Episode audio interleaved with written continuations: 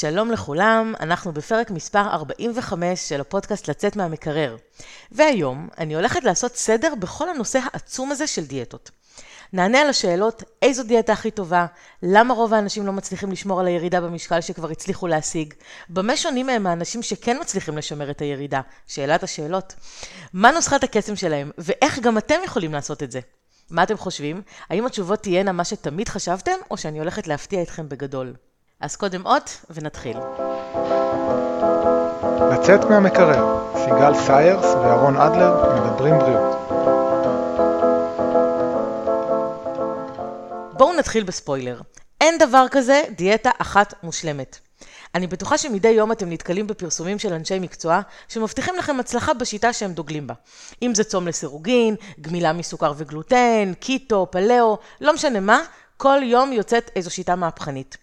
עובדה היא שבטח ניסיתם וניסיתם וניסיתם, ואם אתם שומעים אותי עכשיו, כנראה שעוד לא הגעתם למנוחה ולנחלה ולא מצאתם את השיטה שעובדת עבורכם. וזה לא במקרה. בואו נחזור אחורה בזמן ונכיר את קווין הול, מדען ב-NIH, National Institute of Health. הוא נהג לחשוב שהסיבה שאנשים משמינים היא פשוטה.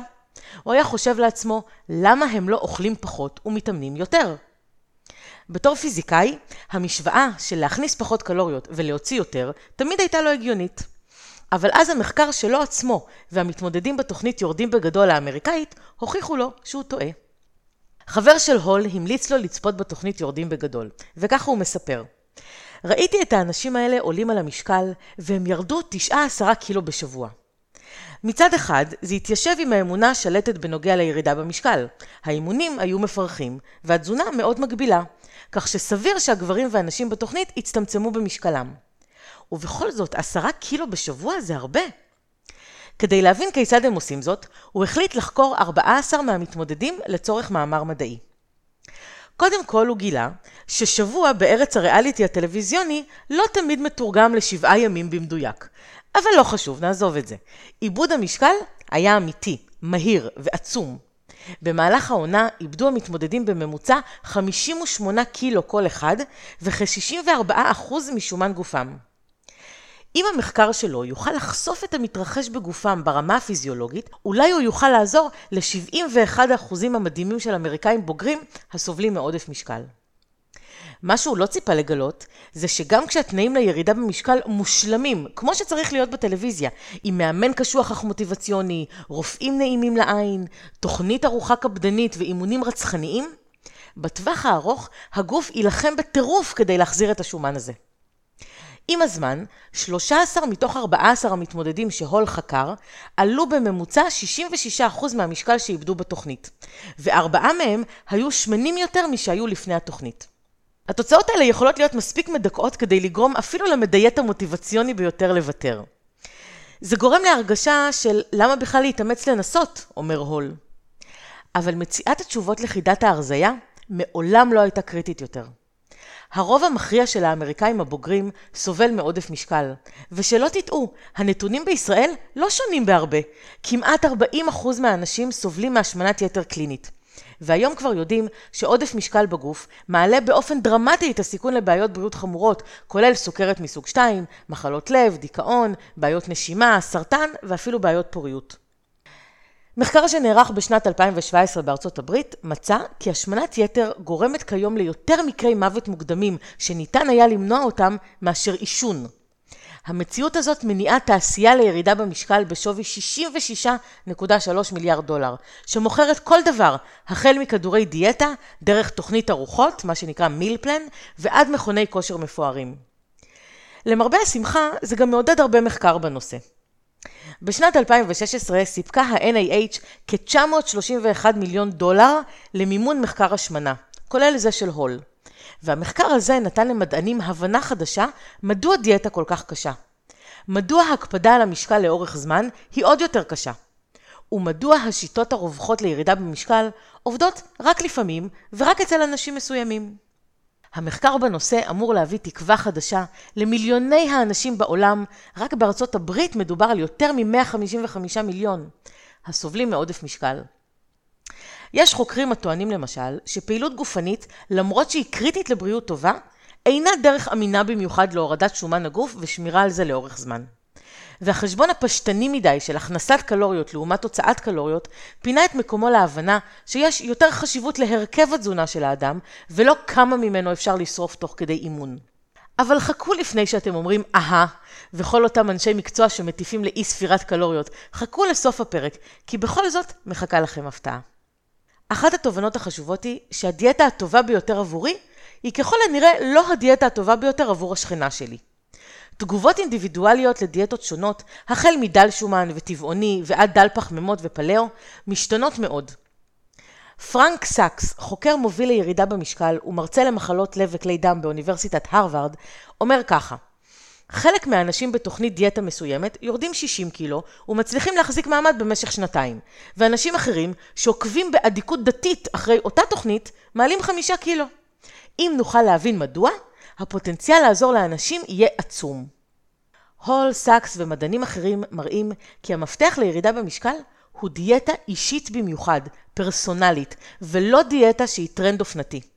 ולמרות שהרזייה לעולם לא תהיה קלה לאף אחד, הולכות ומצטברות ההוכחות שזה אפשרי לכל אחד להגיע למשקל בריא. אנשים פשוט צריכים למצוא את הדרך הטובה ביותר להגיע לשם. אנשים מתעסקים בדיאטות עוד הרבה לפני שמגפת ההשמנה המריאה אל על בשנות ה-80. בשנת 1830 הציג השר סילבסטר גרם תזונה צמחונית שאינה כוללת תבלינים ואלכוהול. בתחילת המאה ה-20 היה אופנתי ללעוס מזון עד שהוא הופך לנוזל, לפעמים אפילו 722 פעמים לפני הבליעה, הודות לעצת מומחה תזונה פופולרי בשם הוראס פלצ'ר. מספרים כי בערך באותו הזמן, הנשיא האמריקאי ויליאם האוורד טאפט אימץ תוכנית שהיא די מודרנית גם עכשיו, של תזונה דלת קלוריות ודלת שומן, עם ניהול יומן אכילה יומי, לאחר שנתקע באמבטיה של הבית הלבן. והאם אתם יודעים איך בכלל התחילה שיטת ספירת הקלוריות? בואו אני אספר לכם. מושג הקלוריה כיחידת אנרגיה נחקר בחוגים מדעיים ברחבי אירופה במשך זמן מה. אך רק במלחמת העולם הראשונה הפכה ספירת הקלוריות למוסכמה בארצות הברית על רקע מחסור גלובלי במזון. הממשלה האמריקאית נזקקה לדרך לעודד אנשים לצמצם את צריכת המזון שלהם, ולכן פרסמה לאמריקאים דיאטה מדעית, במרכאות, ראשונה אי פעם, שספירת הקלוריות הייתה בבסיסה. כרגיל, כל דבר טוב מתחיל באמריקה. בעשורים הבאים, כאשר להיות רזה הפך לנחשק יותר ויותר, כמעט כל שיטות הדיאטה היו ארוחות דלות קלוריות. הייתה דיאטת האשכוליות של שנות ה-30, שבה אנשים אכלו חצי אשכולית בכל ארוחה, מתוך אמונה שהפרי מכיל אנזימים שורפי שומן. ודיאטת מרק הכרוב של שנות ה-50, שבה אנשים אכלו מרק כרוב כל יום במשך שבוע, לצד ארוחות דלות קלוריות, ונאלצו לסבול מכמות גזים מוגברת. בשנות ה-60 התחיל המסחור המסיבי של דיאטה בארצות הברית. עקרת בית מברוקלין בשם ג'יין ניידץ' החלה לארח חברים בביתה כדי לדבר על האתגרים שלהם ממשקל ודיאטה. ניידץ', שהעידה על עצמה כחובבת עוגיות מוצהרת, התקשתה במשך שנים לרזות. הפגישות השבועיות שלה סייעו לה עד כדי כך שהיא איבדה 32 קילו תוך כשנה. ובסופו של דבר, הפכה את המפגשים בסלון שלה לחברה בשם שומרי משקל. כשהחברה התפרסמה בשנת 1968, היא ומייסדיה הפכו בן לילה למיליונרים. יותר מחצי מאה מאוחר יותר, שומרי משקל נותרו אחת מחברות הדיאטה המצליחות ביותר מבחינה מסחרית בעולם, עם 3.6 מיליון משתמשים פעילים והכנסות של כ-1.5 מיליארד דולר. המשותף לרוב הדיאטות הללו היה רעיון שעדיין פופולרי כיום. תאכלו פחות קלוריות ותרדו במשקל. אפילו שיגעון דל השומן שהתחיל בסוף שנות ה-70, שהתבסס על הרעיון האינטואיטיבי אך השגוי שאכילת שומן תגרום לנו להיות שמנים, גם הוא תלוי במודל ספירת הקלוריות. מכיוון שמזונות שומניים מכילים יותר קלוריות מאשר ירקות למשל, ההיגיון מצביע על כך שאם נאכל פחות מהם, נצרוך פחות קלוריות בסך הכל, ואז נרד במשקל. אבל זה לא מה שקרה כשאנשים צמצמו באכילת שומן. מה שקרה זה שמגמת הדיאטה התגברה במקביל לעלייה במשקל. בשנת 1990, מבוגרים הסובלים מהשמנת יתר היוו פחות מ-15% מאוכלוסיית ארצות הברית. עד 2010, רוב המדינות דיווחו על השמנת יתר בקרב 25% או יותר מאוכלוסיותיהן. כיום זה גדל לכמעט 50% מהאוכלוסייה הבוגרת. בילדים ובני נוער זה 17%. המחקר, כמו זה של הול, מתחיל להסביר מדוע. עד כמה שהממצאים הראשוניים שלו היו מורידי מוטיבציה, הם לא הפתיעו לגמרי. יותר מ-80% מהאנשים עם השמנת יתר שמורידים במשקל, מעלים אותו חזרה. הסיבה לכך היא שכאשר אנחנו יורדים במשקל, חילוף החומרים בזמן המנוחה, שזה כמה האנרגיה הגוף שלנו שורף במנוחה, מאט. כנראה שריד אבולוציוני מהימים בהם מחסור במזון היה נפוץ. דיברנו על זה כבר בפרקים הקודמים.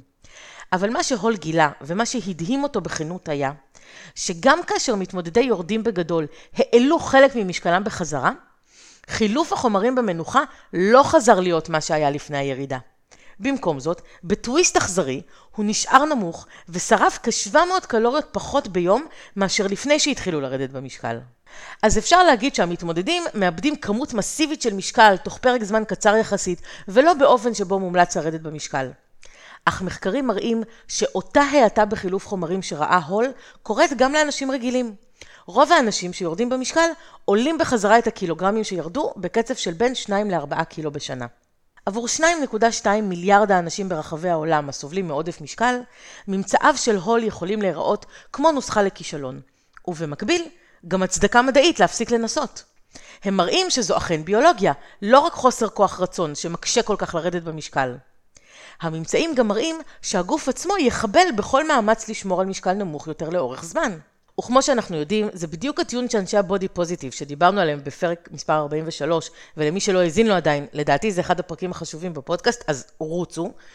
זה בדיוק הטיעון שלהם, שזו הביולוגיה, ולכן חבל על המלחמות.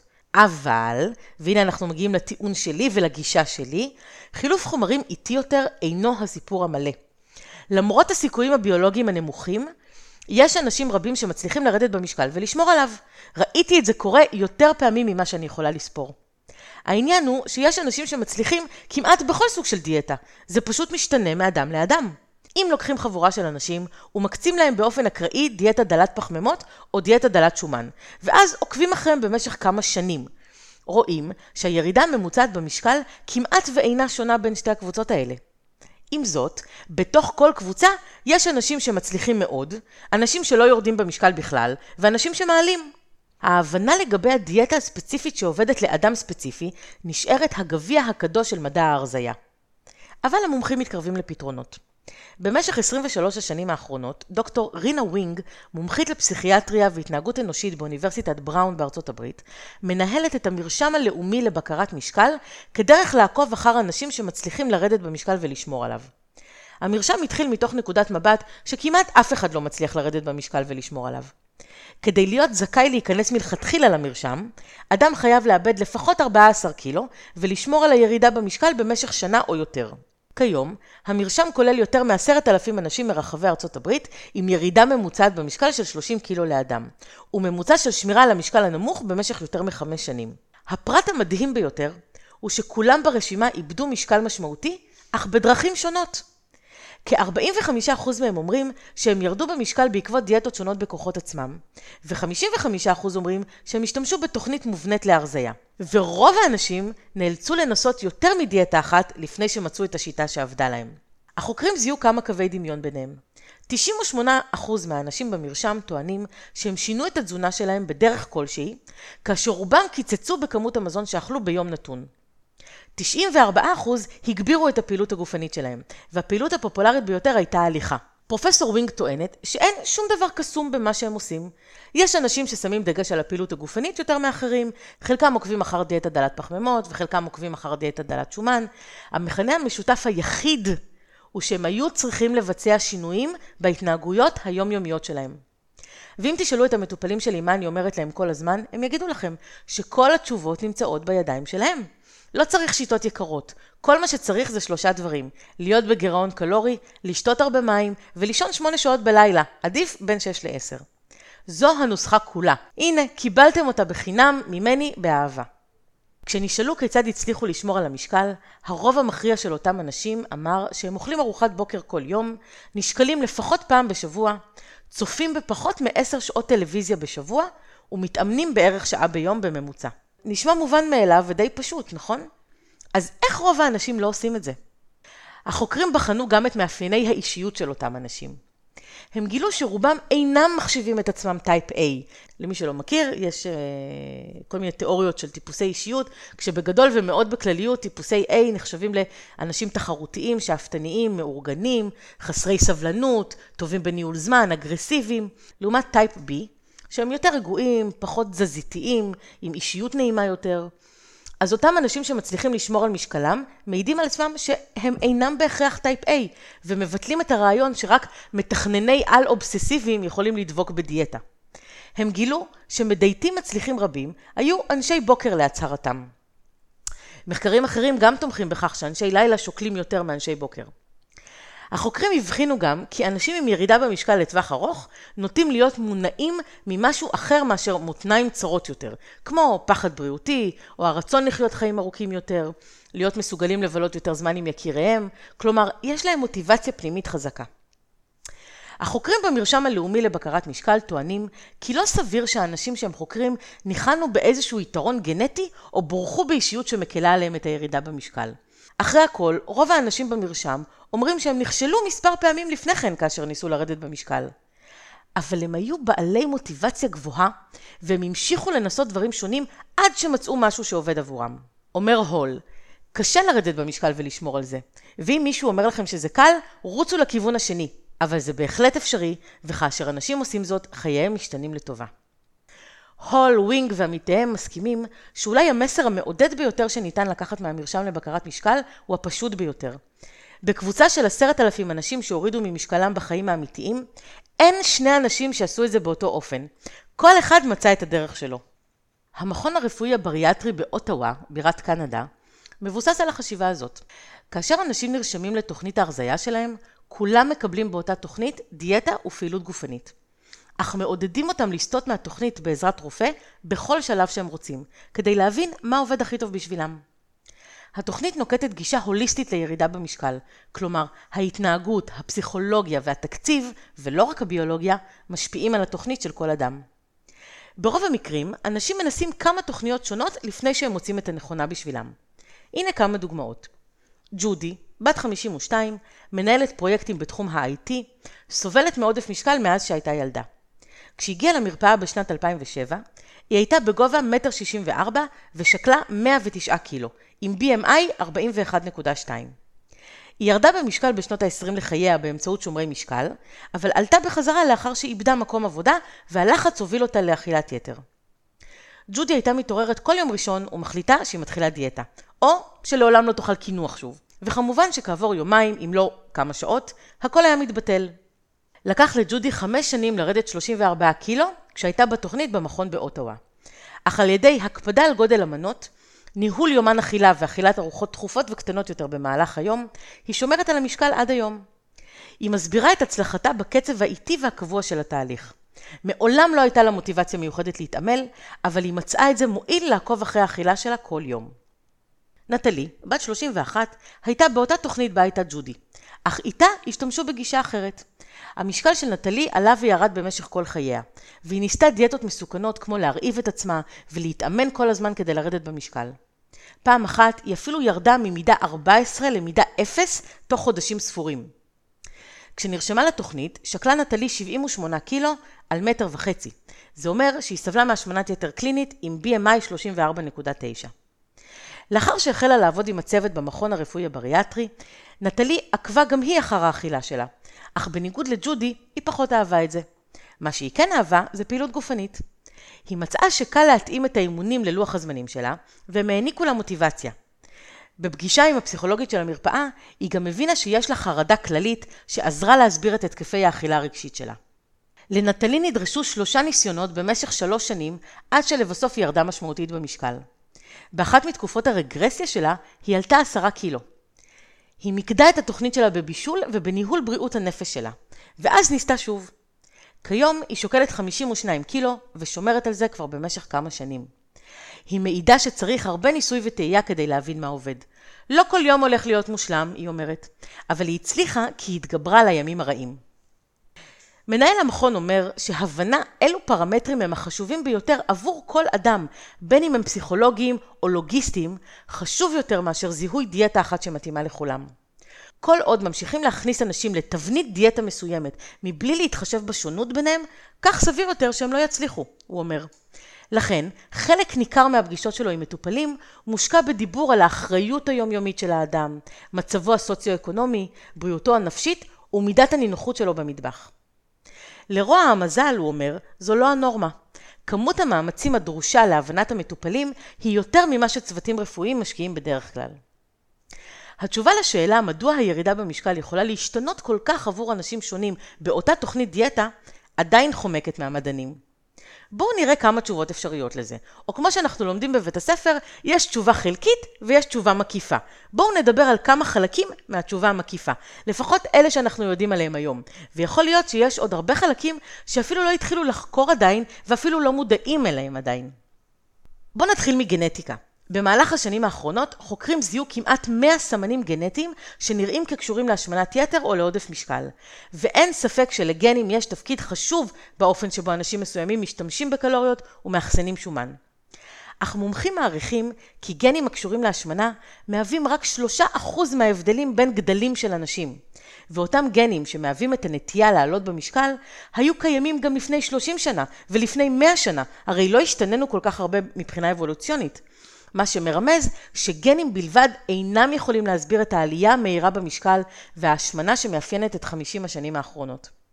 יתרה מכך, מחקר שנערך לפני כמה שנים על 9,000 אנשים, מצא כי גם אם לאדם כלשהו יש וריאציה גנטית הקשורה לעלייה במשקל, אין לה כל השפעה על יכולתו לרדת במשקל.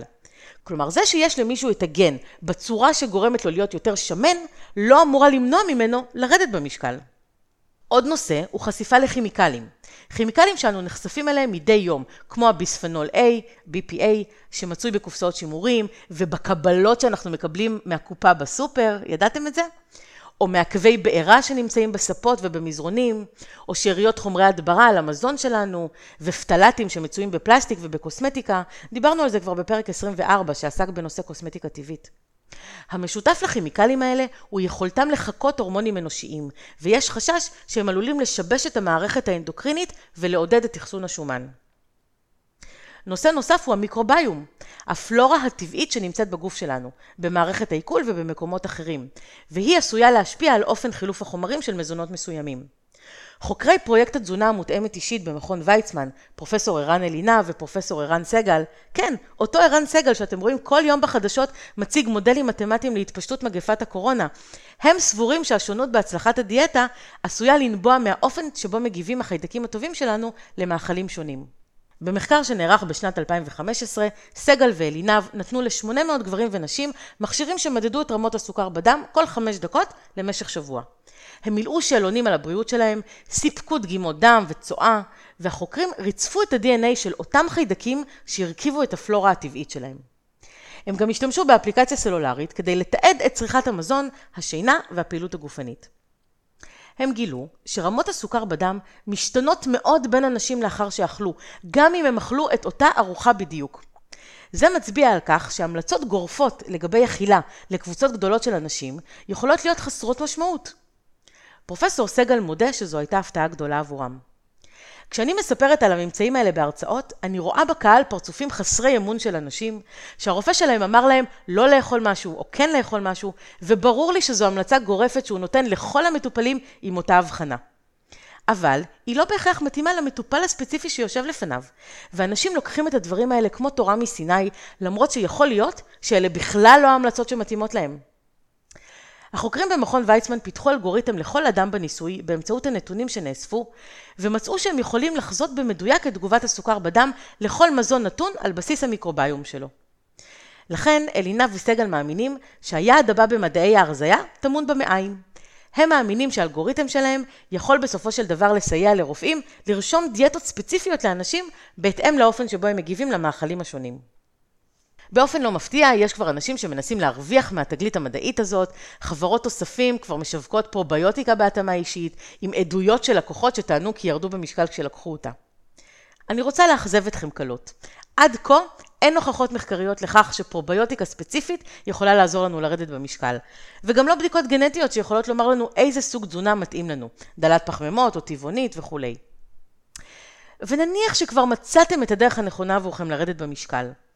איך תצליחו לשמור על ההישג לאורך זמן ולהיות חלק מ-20% יחידי הסגולה?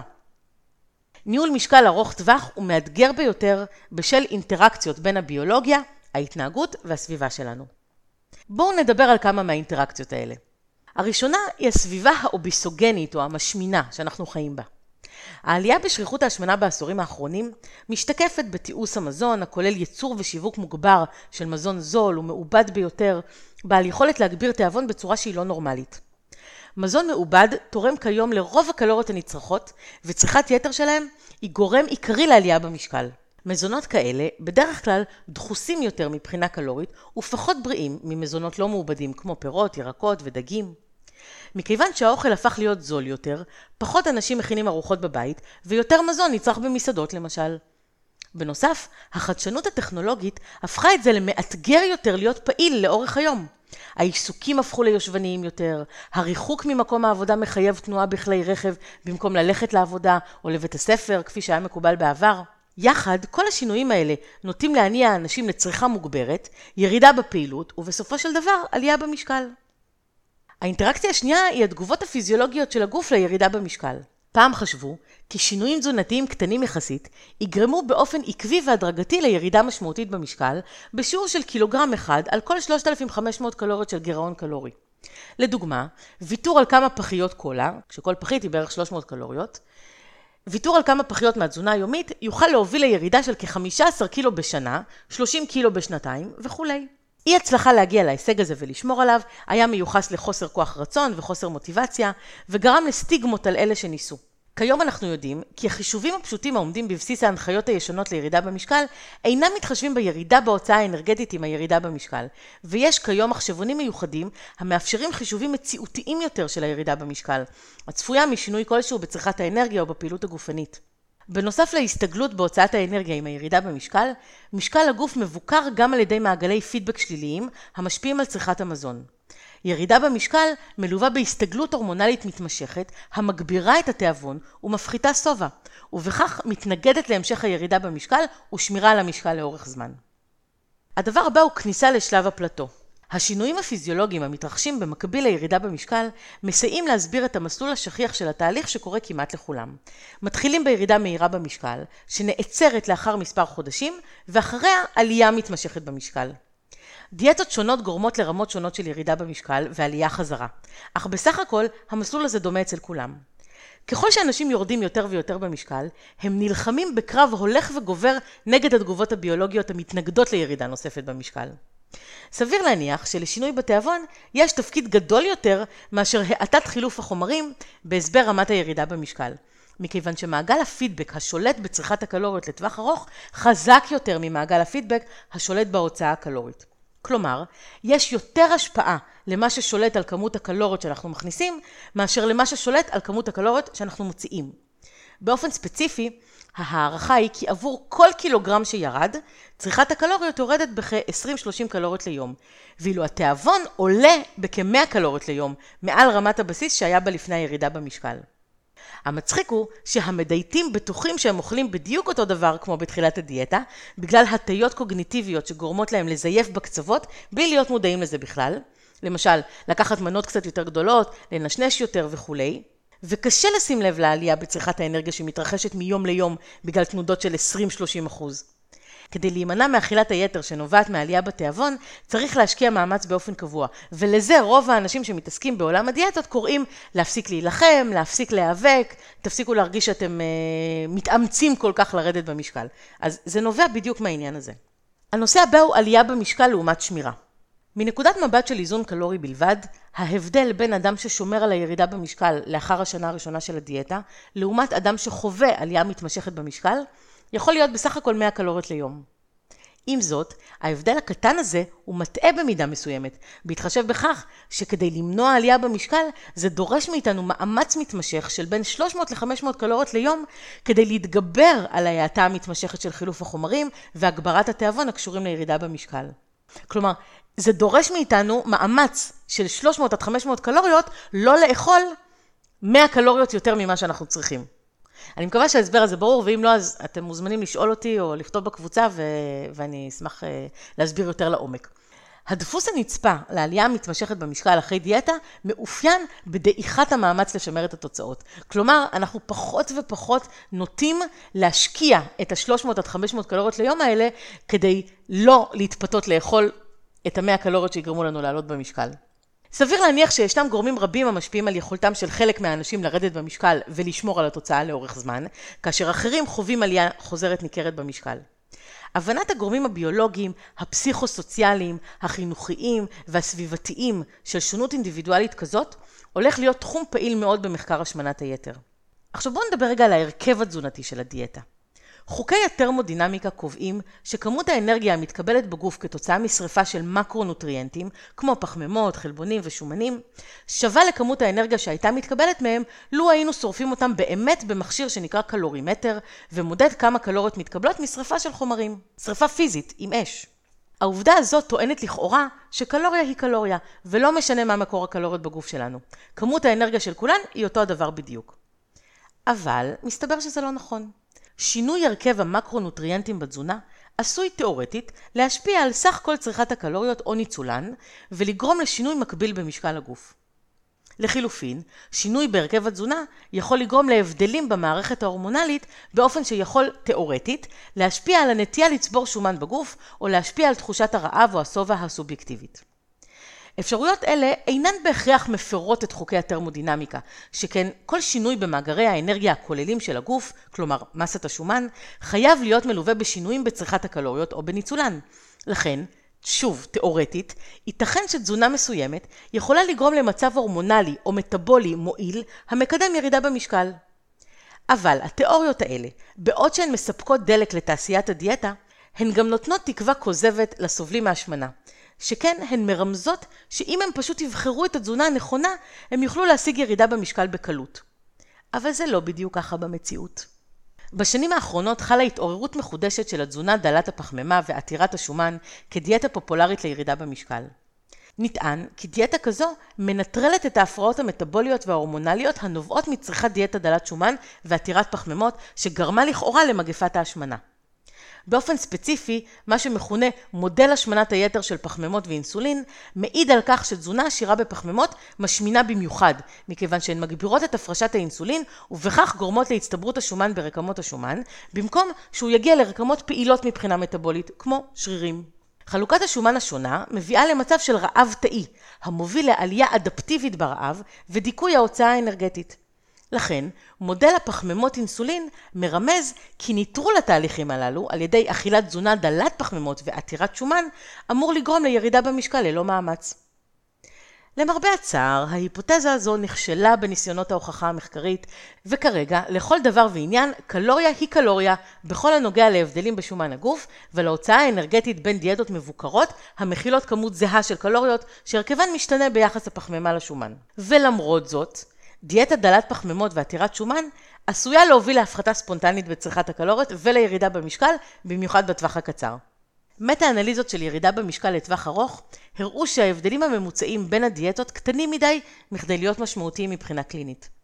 יתר על כן, המחקרים הנוכחיים מעידים כי אין יתרון כללי של דיאטה אחת על פני אחרת בכל הנוגע לצריכה או ניצול קלוריות לטווח הארוך. אם נסכם את זה במשפט אחד, זה אומר שלא משנה אם אתם עושים דיאטה דלת שומן או דיאטה דלת פחמימות, אם אתם מתמידים לאורך זמן בכל אחת מהדיאטות האלה, בסופו של דבר אתם תגיעו לאותן תוצאות. אז למה טוענים שיותר קל לרדת במשקל עם דיאטה עתירת שומן ודלת פחמימות? כי טוענים שמי שאוכל הרבה פחמימות, יותר קשה לו להגיע באמת לגירעון קלורי. כלומר, יותר קשה להתאפק ולא לאכול ולא לנשנש כל הזמן, כשאנחנו כל הזמן אוכלים פחמימות. לעומת זאת, כשאנחנו פחות אוכלים פחמימות ויותר אוכלים שומן, אז בעצם יותר קל לנו להיות שבעים לאורך זמן ולא לנשנש כל הזמן. האם זה נכון? אני יכולה להגיד לכם ברמה הכי הכי הכי אישית וספציפית, שכל מקרה לגופו. ולכל אחד נוח משהו אחר. עכשיו, בניגוד לעובדה שפחמימות ושומנים שקולים מבחינת צבירת שומן בגוף, חלבונים ידועים כמשפיעים לטובה על הרכב הגוף בזמן ירידה במשקל, ויש להם השפעה חיובית קטנה על חילוף החומרים במנוחה. דיאטה עם הרכב חלבון גבוה יותר, עשויה להציע יתרונות גם לשמירה על ירידה במשקל, במיוחד כאשר לתזונה הכוללת יש אינדקס גליקמי נמוך, כלומר פחות פחמימות, או ליתר דיוק, פחות פחמימות פשוטות. הסבר חלקי לזה הוא ההשפעה הגדולה יותר של חלבון מהתזונה על רמת השובע בהשוואה לפחמימות ושומן, יחד עם האפשרות להגדלת ההוצאה האנרגטית הכוללת. בעוד שלא נמצאה עליונות ברורה של דיאטה אחת על פני אחרת ביחס לירידה ממוצעת במשקל, בכל סוג דיאטה יש מידה רבה של שונות אינדיבידואלית וסיפורי הצלחה נקודתיים. חלק מהשונות הזו עשויה לנבוע מאינטראקציות בין סוג התזונה לגנטיקה של המטופל, או פיזיולוגיה בסיסית כמו רגישות לאינסולין. אינטראקציות כאלה טומנות הבטחה לעתיד של דיאטות מותאמות אישית, המייעלות את סיכוייו של המטופל להצלחה ארוכת טווח. למרבה הצער, אינטראקציות בין דיאטה לביולוגיה ולירידה במשקל לא תמיד ניתנות לשחזור, וסביר להניח שהן מסבירות רק חלק קטן מהשונות האינדיבידואלית. בהחלט ייתכן שמטופלים במחקר שרזו בהצלחה בדיאטה אחת, היו מצליחים באותה מידה אילו הוקצו לדיאטה חלופית. במילים אחרות, הצלחה לטווח ארוך בדיאטה לירידה במשקל עשויה להיות פחות קשורה לביולוגיה מאשר גורמים כגון סביבת המזון של המטופל, המצב הסוציו-אקונומי שלו, תחלואה ותמיכה חברתית, כמו גם גורמים מעשיים, למשל פיתוח כישורי בישול וניהול דרישות המשימה. גורמים לא ביולוגיים כאלה כנראה ממלאים תפקיד חזק בקביעה האם הקפדה על דיאטה היא בכלל אפשרית לאורך זמן. מבולבלים? גם אנחנו. לא, סתם, אני דווקא לא. אז בואו נסכם. יש דיאטות טובות יותר ודיאטות טובות פחות. מבחינת ירידה במשקל, כל עוד נשמור על גירעון קלורי מבחינה פיזיקלית, נראה ירידה. אבל הבעיה היא שגירעון קלורי זו משימה קשה לביצוע באופן מתמשך, כי הגוף מפעיל עלינו מניפולציות פיזיולוגיות ומתנגד לירידה. לכן חשוב לבחור סוג דיאטה שמאפשר לגוף הספציפי שלכם את התנאים הטובים ביותר ולא מכניס אותו לסטרס שיגרום לתגובת נגד. איזה סוג דיאטה זה? לכל אחד צריך להתאים את הדיאטה הנכונה והמתאימה לו לפי כמה שיותר פרמטרים שאנחנו יכולים לדעת עליו.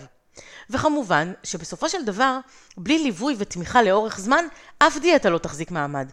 מדובר על דרך ארוכה ומפותלת עם עליות וירידות, ותמיכה מקצועית יכולה להיות הדבר שיקבע את גורל התהליך. אז לפני שאתם מתחילים, מצאו לעצמכם אנשי מקצוע שאתם מתחברים אליהם, כאלה שאתם מרגישים נוח לדבר איתם בחופשיות על הכל, ולקלף את השכבות שלכם מולם. וצאו לדרך ביחד. תמיד יותר טוב ביחד. ועד אז, אתם מוזמנים להצטרף לקבוצת הפייסבוק ההולכת וגדלה שלי, לצאת מהמקרר יורדים במשקל ביחד, לשאול, להתייעץ ולשתף בכל מה שעובר עליכם בנושא תזונה, דיאטה ואורח חיים בריא. אני אשמח לענות על כל השאלות שלכם שם ולהציף דילמות שכולנו מתמודדים איתן כל יום. ועוד דבר קטן, ניתן להאזין לפודקאסט גם דרך אפליקציית מועדון הבריאות שלי. אני אשים לכם קישור בתיאור הפרק, ותהיה לכם גישה ישירה לפודקאסט ממש בכף ידכם. כולל התראות על פרקים חדשים, שלא תפספסו. תודה שהאזנתם לי, נתראה בפרק הבא. יאללה ביי. אין באמור בפרק משום ייעוץ או המלצה רפואית כלשהם, והמידע אינו בא להחליף בדיקה וייעוץ אישי על ידי רופא, מטפל מוסמך או טיפול תרופתי.